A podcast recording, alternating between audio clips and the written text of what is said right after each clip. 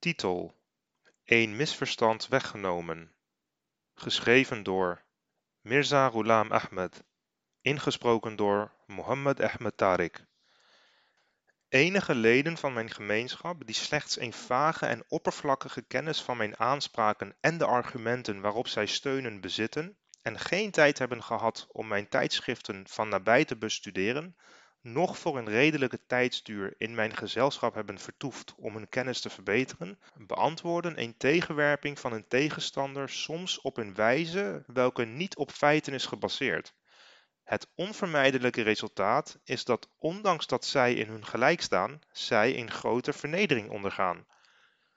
Voor kort nog werd een Ahmadi gesteld tegenover een tegenwerping die inhield dat hij trouw had beloofd aan iemand die er aanspraak op maakte een nabi, oftewel een profeet, en een rasool, oftewel een boodschapper te zijn. Hij deed deze tegenwerping af door enige aanspraak hierop van mijn zijde totaal te ontkennen. Het is zonneklaar dat zijn antwoord onjuist was. De zaak is dat de heilige en zuivere openbaring welke God mij heeft verleend, zulke woorden als nabi, profeet en rasool, boodschapper, bevatten. De woorden komen in mijn openbaring niet één of tweemaal voor, maar honderden malen. Hoe kan het in het licht van deze openbaringen het antwoord juist zijn dat deze woorden in het geheel niet voorkomen, terwijl deze woorden nu vaker met een grotere frequentie en duidelijkheid voorkomen dan vroeger? Zelfs de Brahine Ahmadiyya, welke ongeveer 22 jaar geleden werd gepubliceerd, bevat deze woorden in overvloedige mate. Een van de openbaringen die in de Brahine is gepubliceerd luidt als volgt.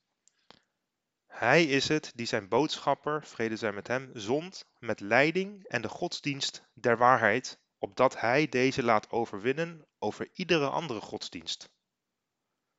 In deze openbaring ben ik duidelijk aangeduid als een rasool, boodschapper.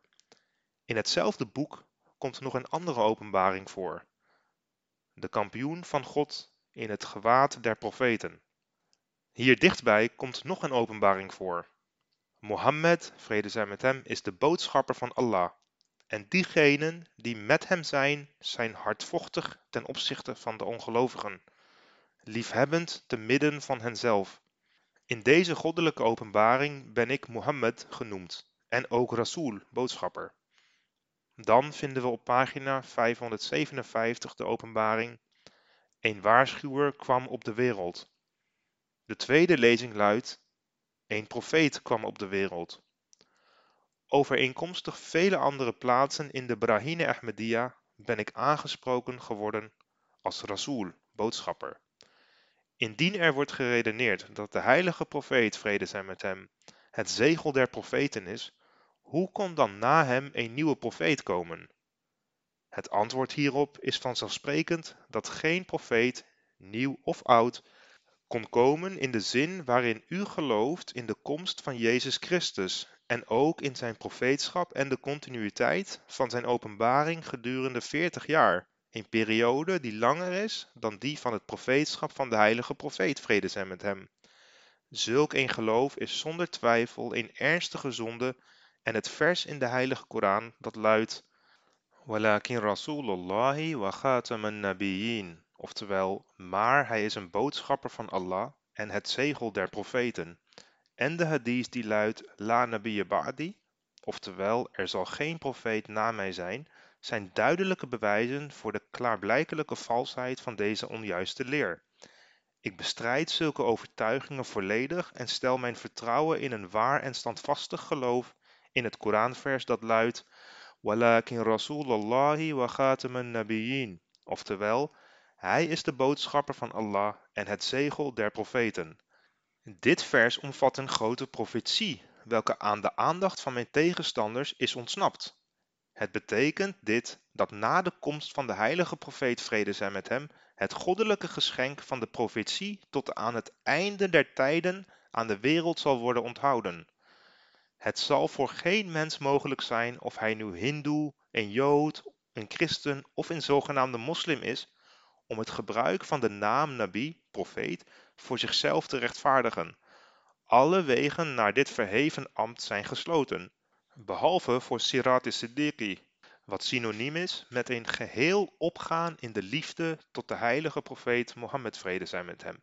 Dus diegene die de nabijheid Gods door deze liefde zoekt, is gemaakt om de mantel van het profeetschap te dragen, welk profeetschap niet anders is dan een gedeelte van het profeetschap van de heilige profeet vrede zij met hem zelf. Iemand die zo'n profeetschap opeist, schendt het profeetschap van Mohammed vrede zij met hem niet. Dit is zo omdat zijn profeetschap nog zelfbestaand, nog onafhankelijk is. Hij ontvangt al het goede in hem, niet van zichzelf, maar van de heilige profeet, vrede zij met hem, de bron van alle genade. Hij is al dus niet een profeet ter zelfverheerlijking, maar ter verheerlijking van de heilige profeet, vrede zij met hem. Daarom staat hij in de hemel bekend als Mohammed en Ahmed. Uiteindelijk betekent dit dat het profeetschap van Mohammed terugkomt bij Mohammed en niemand anders. Dat wil zeggen bij degene die op deze rang aanspraak maakt en verklaart zijn schaduw te zijn en die in zijn persoon al zijn eigenschappen weerspiegelt en zijn verplichtingen jegens hem erkent. Het vers Ma kana Muhammadun aba ahadim min rijalikum walakin rasulullahi wa khataman nabiyyin oftewel Mohammed vrede zij met hem is niet de vader van enige van uw mannen maar hij is de boodschapper van God en het zegel der profeten kan dus als volgt worden geïnterpreteerd. Mohammed is niet de vader van enige van uw mannen in deze wereld, maar hij is de vader van de mannen in de komende wereld, want hij is het zegel der profeten. En er is geen benadering van God zijn zegeningen mogelijk dan door zijn bemiddeling. Kort gezegd komt mij het profeetschap toe, omdat ik Mohammed en Ahmed ben en niet door mijzelf. Deze rang is mij geschonken door mijn volledige opgaan in de heilige profeet Mohammed vrede zijn met hem. En aldus komt de betekenis van de uitdrukking Ghatam Nabiyin, oftewel het zegel der profeten, er niet mee in botsing. Maar de komst van een onafhankelijke profeet, zoals Jezus Christus, zal hiermee zeker strijdig zijn. Men moet tevens voor ogen houden dat het woord nabi, oftewel profeet, letterlijk betekent diegene die de kennis van het verborgene van God verkondigt. Waar de definitie juist is gebruikt, zal degene die de aanspraak maakt een nabi, oftewel profeet zijn. En een nabi, een profeet, moet noodzakelijkerwijze een rasool, oftewel een boodschapper zijn. Indien hij geen rasool, boodschapper is, kan de reine kennis van het verborgene niet aan hem worden geschonken, aangezien het volgende vers dit in de weg staat. Allah onthult zijn geheimen niet, behalve aan hem die hij kiest, namelijk zijn boodschapper.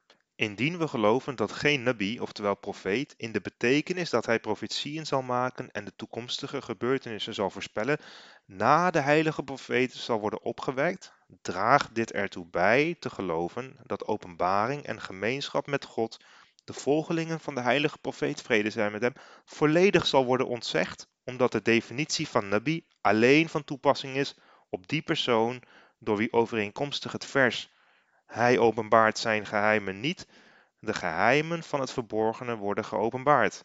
Evenzo wordt hij, die door God is gezonden, rasool, oftewel boodschapper genoemd. Het verschil tussen deze twee is dat na de heilige profeet vrede zij met hem, tot aan het einde der tijden geen nabi, oftewel profeet, kan komen met een onafhankelijke wet. Evenzo kan niemand het profeetschap verwerven zonder de bemiddeling van de heilige profeet vrede zij met hem, en na met zijn hele wezen te zijn opgegaan in dat van de heilige profeet vrede zij met hem, en wel in die mate dat hij bekend zal zijn als Mohammed en Ahmed die in de hemel is. Hij die aanspraak maakt op het profeetschap zonder aan deze vereisten te hebben voldaan, is een kafir, oftewel een ongelovige. De betekenis van de uitdrukking Ghatam Nabiyin, oftewel het zegel der profeten, eist dat alle sporen van verschil met de heilige profeet vrede zijn met hem dienen te verwijderen. En zolang er sprake is van het geringste verschil, zal een ieder die er aanspraak op maakt een nabi, oftewel profeet te zijn, gezien dienen te worden als een breker van het zegel, waarnaar de uitdrukking Ghatam Nabiyin, oftewel zegel der profeten, verwijst. Maar indien iemand als gevolg van een volledige vereniging zijn hele wezen verliest in de heilige profeet vrede zij met hem, het geringste spoor van twijfel uitwist en in weerspiegeling wordt van alle schoonheden en voortreffelijkheden van de heilige profeet vrede zij met hem, gelijk aan een heldere spiegel, dan zal hij een nabi, oftewel profeet, genoemd worden, zonder echter het zegel der profeten te breken, omdat hij dan een weerkaatsing van Mohammed vrede zij met hem is en zijn onafscheidelijke metgezel. Aldus is de aanspraak op het profeetschap van zo iemand, die Mohammed en Ahmed genoemd zal worden, in het geheel niet onverenigbaar met de waardigheid en de positie van de heilige profeet als zegel der profeten, want door een gehele zelfvernietiging van zijn persoonlijkheid wordt hij de weerkaatsing van Mohammed vrede zij met hem zelf, en zijn beeltenis verkrijgt zelfs zijn naam. Jezus Christus echter kan niet komen zonder het zegel der profeten te breken, want zijn profeetschap is van een ander soort. Indien niemand het profeetschap kan verkrijgen, zelfs niet in de betekenis van het zijn van de beeltenis en weerspiegeling van de heilige profeet, hoe kan dan het volgende vers worden verklaard? Ihdina sirat al-mustaqim, sirat al-lazina an'amta alayhim. Oftewel, leid ons op het rechte pad, het pad dergenen aan wie gij uw weldaden schenkt. Er dient gememoreerd te worden dat ik nimmer heb geaarzeld aanspraak te maken op het profeetschap en het zijn van een boodschapper in de betekenis van het woord. Het is in deze betekenis dat de beloofde Messias een nabi, oftewel een profeet, wordt genoemd in Sahih Muslim. Indien iemand die de kennis van het verborgene van God verkondigt niet het recht op het profeetschap heeft, bij welke andere naam moet men hem dan noemen? De bewering dat het woord muhaddas de geestelijke status van een dergelijk persoon adequaat kan omschrijven, kan door geen lexicon worden ondersteund. Het Arabische woord tahdith is in geen enkele lexicon omschreven als het bezit en de verkondiging van de geheimen van het verborgene. Maar nebuwet, oftewel profeetschap, veronderstelt zulk een bezit van de geheimen van het ongeziene. Het woord nabi is zowel in het Arabisch als in het Hebreeuws bekend. In het Hebreeuws wordt het als nabi uitgesproken en is afgeleid van het woord naba. Dit betekent begiftigd zijn door God met het geschenk van de profetie. Het dragen of het brengen van een nieuwe wet is geen noodzakelijke voorwaarde voor het profeetschap. Het is alleen een goddelijk geschenk dat veroorzaakt dat de geheimen van het verborgene aan iemand worden geopenbaard. Dus wanneer ik zelf getuige ben geweest van de duidelijke vervulling van ongeveer 150 profetieën, hoe kan ik dan weigeren mezelf een profeet of een boodschapper van Allah te noemen?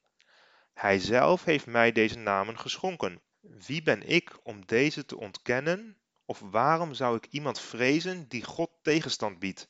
Ik zweer bij God, die mij heeft doen opstaan, en wiens vervloeking over diegene komt die leugens over hem verzint, dat hij mij heeft gezonden als de beloofde Messias.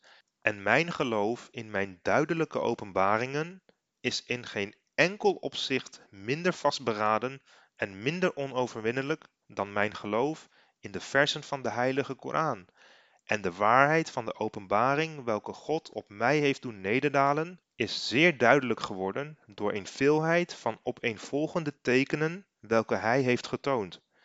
En ik voel niet de minste aarzeling om bij God te zweren, terwijl ik in de heilige omgeving van de Kaaba sta, dat de heilige openbaring welke op mij is nedergedaald, het woord is van dezelfde God die zijn woord heeft nedergezonden tot Mozes, tot Jezus en tot Mohammed, de heilige profeet, vrede en zegeningen van God zijn met hem. De aarde was getuige van de waarheid van mijn aanspraak en de hemel ook. Beide verklaarden en verkondigden dat ik Gods stedehouder op aarde was. Maar zoals de profetieën voorheen al vertelden, zou ik worden afgewezen. Dus diegenen om wiens hart een sluier is, zullen mij niet aanvaarden. Maar ik weet en ben overtuigd dat God mij zal helpen, gelijk Hij zijn boodschappers in het verleden altijd heeft geholpen. Er is niemand die mij kan weerstaan, omdat zij verstoken zijn van goddelijke hulp. Wanneer of waar ik ook heb ontkend een profeet of boodschapper genoemd te worden, is dat alleen in de betekenis dat ik nog een drager van een nieuwe wet, nog een onafhankelijke profeet ben. Maar ik ben zeker een profeet in de betekenis dat ik nog een drager van een nieuwe wet, nog een onafhankelijke profeet ben. Maar ik ben zeker een profeet in de betekenis dat ik, terwijl ik geestelijk door mijn grote en edele meester ben begenadigd en in staat ben gesteld zijn naam te verkrijgen, begiftigd ben met de kennis van het verborgene. Maar ik herhaal het weer dat ik geen nieuwe wet heb gebracht of geïntroduceerd en nooit heb ontkend een profeet van dit soort te worden genoemd. Veeleer in deze betekenis heeft God mij bij de namen van profeet en boodschapper genoemd. Dus zelfs nu ontken ik niet in deze betekenis van het woord profeet en boodschapper genoemd te zijn. Mijn uitspraak, ik ben geen profeet en heb geen boek gebracht, heeft geen andere betekenis dan dat ik geen wetdragende profeet ben. Natuurlijk dient men zich ook te herinneren en nimmer te vergeten dat ondanks het feit dat ik een profeet en boodschapper ben genoemd, God mij heeft medegedeeld dat ik niet onafhankelijk en zonder de bemiddeling van iemand de ontvanger ben van al deze geestelijke zegeningen en gunsten. Nee, in de hemel verblijft een heilig wezen, de heilige profeet Mohammed vrede zij met hem, door wiens geestelijke bescherming al deze genade van God op mij is nedergedaald. Het is door zijn bemiddeling en na met mijn gehele wezen opgegaan te zijn in dat van de grote profeet en na bekend te zijn geworden als Mohammed en Ahmed, dat ik Rasool, boodschapper en Nabi, profeet ben, dat wil zeggen dat ik ben gezonden met een opdracht en ben begiftigd met de kennis van het ongeziene. Op deze manier komt mijn aanspraak op het profeetschap niet in botsing met de positie van de heilige profeet, vrede zij met hem, als Ghatam en Nabiin, oftewel zegel der profeten, omdat ik in staat ben gesteld slechts zijn naam te verkrijgen door de weerspiegeling in mijn persoon van al de voortreffelijkheden van de grote profeet en door het opgaan van mijzelf in zijn verterende liefde. Indien iemand aanstoot neemt aan het feit dat ik mijzelf in mijn openbaringen een nabi en een rasool noem, dan is hij slechts een dwaas, omdat mijn profeetschap en het zijn van een boodschapper op geen enkele wijze inbreuk maakt op het goddelijke zegel. Het is geheel duidelijk dat wanneer ik zeg dat God mijn nabi en rasool heeft genoemd en mijn tegenstanders het geloof koesteren dat Jezus Christus terug zou komen na de heilige profeet en ook een profeet zou zijn, het bezwaar dat met de komst van een profeet na de heilige profeet zijn status als zegel der profeten zou zijn geschonden, evenzeer van toepassing is op de tweede komst van Jezus Christus als op mij. Maar mijn bewering is dat er niets verwerpelijks is in het feit dat ik een nabi en rasool word genoemd na de heilige profeet, die gaat er een nabiin, oftewel het zegel der profeten was, in de ware en volledige betekenis van het woord noch dat dit feit op enige denkbare wijze in botsing komt met zijn status als Ghatam en Steeds heb ik gezegd dat ik volgens het Koranvers lamma yalhaqu bihim en ook anderen die deze nog niet hebben ontmoet, hoofdstuk 62 vers 4, de afspiegeling van de Ghatam en en zijn alter ego ben. God heeft mij zoals twintig jaar geleden in Brahine Ahmadiyya is gepubliceerd, Mohammed en Ahmed genoemd, en verklaart dat mijn komst de komst van de heilige profeet vrede zij met hem zelf is. Aldus komt mijn profeetschap op geen enkele wijze in botsing met de status van de heilige profeet als Anbiya, want de schaduw is onafscheidelijk van het voorwerp, en in een allegorische betekenis ben ik dezelfde Mohammed. Op deze wijze bleef het zegel van Khatam Nabiyyin heel en de heilige profeet bleef in het volle en exclusieve bezit van zijn profeetschap. Dat wil zeggen, wanneer ik een volledige afspiegeling van de heilige profeet ben en zijn evenbeeld en in mijn persoon al zijn voortreffelijkheden en eigenschappen zijn weerspiegeld. Het is dan niet juist te zeggen dat een ander en een afzonderlijke persoon onafhankelijk van hem aanspraak heeft gemaakt op het profeetschap. Indien u mij afwijst, dan wijst u de tradities van de heilige profeet af, die zeggen dat de beloofde Mahdi een sterke lichamelijke en geestelijke gelijkenis zou hebben met zijn grote meester. Zozeer zelfs dat hij bekend zou zijn bij de namen bij welke de heilige profeet bekend was.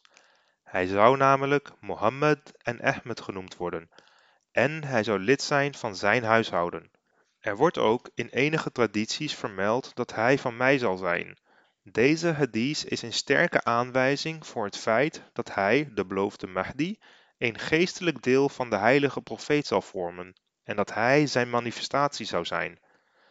Mijn bewering vindt verdere steun in het feit dat de woorden die de heilige profeet vrede zij met hem gebruikte om zijn intieme relatie en sterke gelijkenis met de beloofde Messias aan te duiden, hij noemde deze laatste bij zijn eigen naam, duidelijk aantonen dat de heilige profeet de beloofde hervormer als zijn evenbeeld beschouwde, zoals Jozua dat van Mozes was. Het is niet nodig dat het evenbeeld een bloedverwantschap heeft met de persoon waarvan hij de afspiegeling is. Dat wil zeggen dat hij zijn zoon of kleinzoon zou zijn. Wat het geestelijk verwantschap betreft is het een noodzakelijke voorwaarde dat hij een deel van de persoon dient te zijn wiens afbeelding en weerspiegeling hij is en er dient een eeuwigdurende, wederzijdse en wederkerige band tussen de twee te bestaan.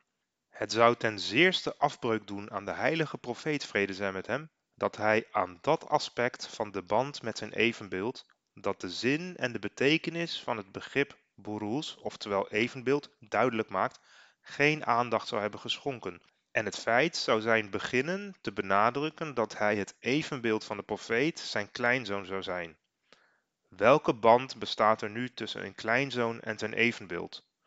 Wanneer dit verwantschap zo essentieel was voor een boeroes, waarom gaf de heilige profeet vrede zij met hem dan de voorkeur aan de keuze van het verre verwantschap van een kleinzoon?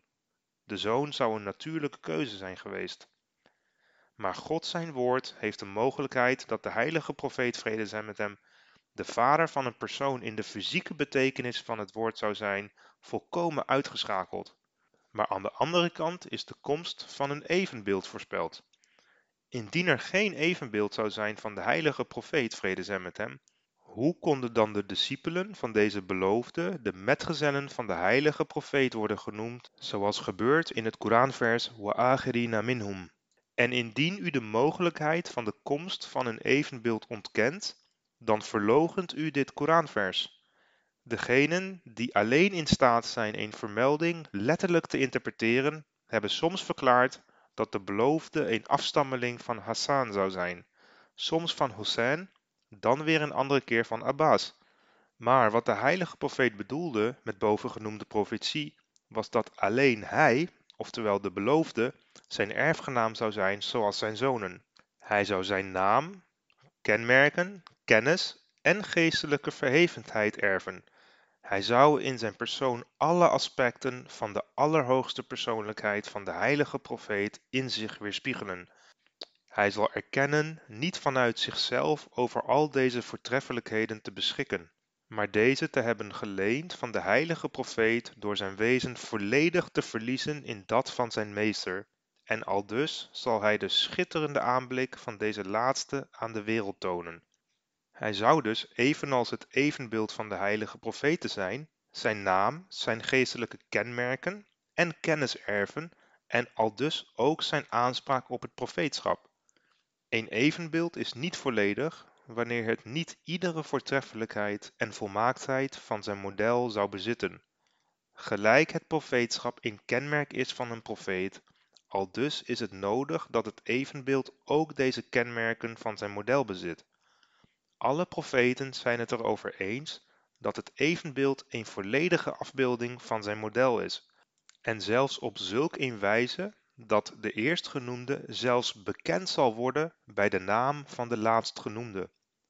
Het is derhalve duidelijk dat zoals in een metaforische betekenis het gebruik van de namen Mohammed en Ahmed door een geestelijke erfgenaam niet twee Mohammeds en twee Ahmeds inhouden. De aanspraak op het profeetschap door het evenbeeld op geen enkele wijze de heiligheid van het zegel der Ghatam en kan aantasten, omdat het evenbeeld niet gezien kan worden als verschillend van het model. Op deze wijze blijft het profeetschap van de heilige profeet bij de heilige profeet, vrede zij met hem. Alle profeten zijn het erover eens dat er geen tweevoudigheid tussen de twee bestaat. De positie van het evenbeeld is zeer goed beschreven in het volgende vers. Ik word u en u wordt ik. Ik word het lichaam en u de ziel. Niemand mag daarna zeggen dat ik van u verschil. Maar indien Jezus Christus naar deze wereld zou terugkeren, dan zou hij dit niet kunnen doen zonder het zegel van Ghatam Nabiin te verbreken. Kort gezegd is de uitdrukking Ghatam Nabiin een goddelijke zegel gehecht aan het profeetschap van de heilige profeet Mohammed vrede zij met hem. Het is onmogelijk dat het ooit zou breken. Maar het is heel goed mogelijk dat de heilige profeet niet één of tweemaal naar deze aarde zal komen, maar honderden malen in de vorm van een persoon waarin alle kenmerken van de heilige profeet zich weerspiegelen en die zijn evenbeeld wordt. Zoals hij alle andere kwaliteiten van de profeet in zich demonstreert, zo demonstreert zich in zijn persoon ook het kenmerk van het profeetschap. De positie, het evenbeeld van de heilige profeet te zijn, is een door God gegeven rang, wat blijkt uit het vers وَآخِرِينَ minhum lamma yalhaqu bihim. Oftewel, en ook anderen die deze nog niet hebben ontmoet. Hoofdstuk 62, vers 4. De profeten zijn nimmer bezorgd over hun evenbeelden, want de laatstgenoemden zijn hun beeld en dragen hun stempel. Maar zij zijn van nature bezorgd over de anderen. Ziet hoe Mozes uitdrukkelijk gaf aan zijn bezorgdheid en het niet kon helpen dat hij tranen vergoot toen hij ontdekte dat de heilige profeet in de nacht van de hemelvaart voorop ging. Indien God zelf tegen de heilige profeet zou zeggen dat er geen profeet na hem zou komen en dat zijn belofte zou breken en Jezus Christus zou sturen, wat in bron van grievende vernedering zou dit feit voor de heilige profeet zijn geweest. Kort gezegd komt het profeetschap van het evenbeeld op geen enkele wijze in conflict met het profeetschap van de heilige profeet. Nog stoort het de waardigheid van de heilige profeet als de Nabiin, oftewel het zegel der profeten. Maar de komst van een onafhankelijke profeet, die zijn profeetschap onafhankelijk van de heilige profeet verkrijgt, ondermijnt de grondslag van de islam.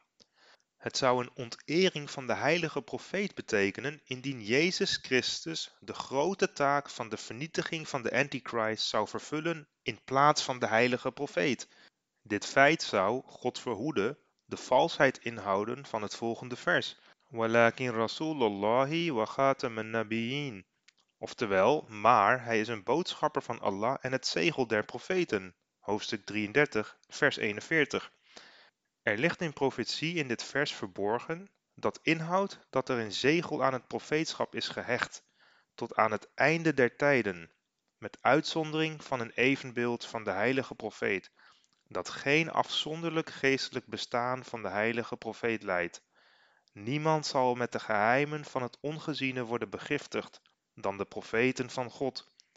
En omdat ik die beloofde ben die bestemd was om de volledige weerspiegeling en het evenbeeld van de heilige profeet te zijn, is aan mij dat profeetschap verleend dat alleen een boeroes, oftewel evenbeeld van de heilige profeet kan verkrijgen.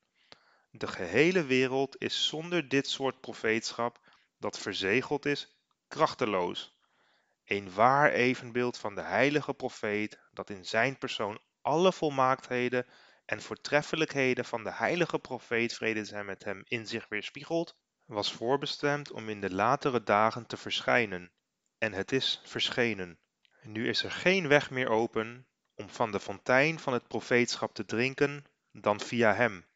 Ik herhaal dat een dergelijk profeetschap niet het zegel van Ghatam Nabiin breekt, maar de komst van Jezus Christus vormt niet alleen een ontkenning van het vers Walakin Rasulullahi wa Ghatam Nabiin, oftewel maar hij is de boodschapper van Allah en het zegel der profeten, maar ook een schending van dit zegel. Deze kennelijk ongefundeerde en absurde leer vindt geen steun in de heilige Koran. Hoe kan dit mogelijk zijn, waar een dergelijk geloof ingaat tegen het hiervoor genoemde Koranvers.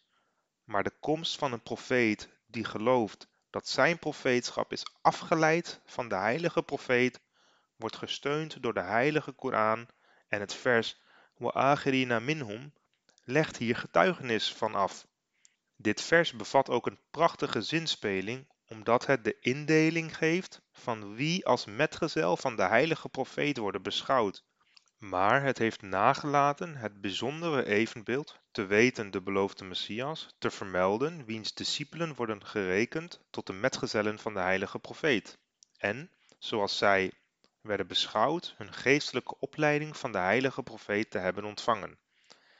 Deze weglating toont aan dat het bijzondere evenbeeld geen geestelijk bestaan bezit onafhankelijk van de heilige profeet en zijn boodschapper zijn de status van de heilige profeet als Khatam Nabiyyin niet schendt. Daarom behandelt dit vers hem als iets negatiefs en beperkt zich enkel tot de vermelding van de heilige profeet.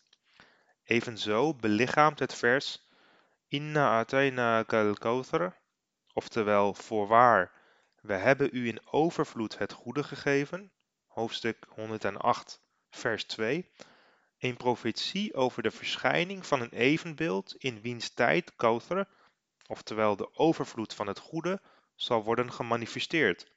Dat wil zeggen, de fonteinen van geestelijke zegeningen zullen beginnen te vloeien en de ware gelovigen in islam in aantallen zullen uitmunten. Zelfs in dit vers is het spreken over enige lichamelijke kwestie met minachting behandeld, en er is slechts een profetie met betrekking tot het geestelijke nageslacht van de heilige profeet gemaakt. En hoewel God mij dit aanzien heeft gegeven, dat zowel het Israëlitisch als het Fatimidisch bloed door mijn aderen stroomt, geef ik toch de voorkeur aan het geestelijke aspect van mijn relatie met de heilige profeet. Mijn geestelijke relatie met hem is die van een evenbeeld met zijn model. Ik heb dit uitgelegd om duidelijk te maken dat mijn onwetende tegenstanders mij ervan beschuldigen dat ik aanspraak maak op een onafhankelijk profeetschap en boodschapper zijn. Ik heb daar nimmer aanspraak op gemaakt, noch maak ik er aanspraak op een profeet en boodschapper te zijn in de betekenis die zij aan deze woorden geven. Maar ik ben een profeet en boodschapper op de wijze die ik hierboven heb uitgelegd. Dus diegene die mij er kwaadwillig van beschuldigt dat ik aanspraak op zulk een profeetschap en boodschapper zijn maak, geeft zich over aan leugens en goddeloze gedachten. Ik ben een profeet en boodschapper van God, want ik ben een weerspiegeling van de heilige profeet vrede zijn met hem, en ik ben zijn evenbeeld, en het is op basis hiervan dat God mij keer op keer profeet en boodschapper heeft genoemd, maar in de gedaante van een boeroes. Mijn eigen ik is van geen belang. De heilige profeet, vrede zij met hem, heeft mijn hele wezen doordrongen en vervuld. Dit is het waarom ik Mohammed en Ahmed word genoemd. Aldus is het profeetschap en het boodschapper zijn van de heilige profeet, vrede zij met hem, bij hem gebleven en dit is aan niemand overgegaan. Qadian, 5 november 1901 Mirza Ghulam Ahmed, vrede zij met hem. Einde van het audioboek.